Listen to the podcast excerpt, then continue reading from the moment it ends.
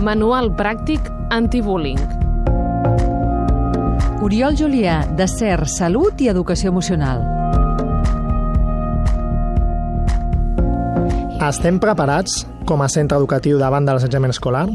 I les famílies? Què li demanem al nostre centre perquè estigui actui davant d'això?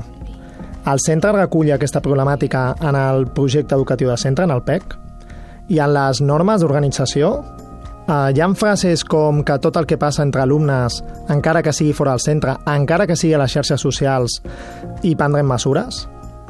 Tenim un programa de convivència, de prevenció, tracta els valors, tracta les emocions i de detecció. Fem eines diagnòstiques, treballem de forma que ens adonem de l'evolució dels grups, ho valorem això?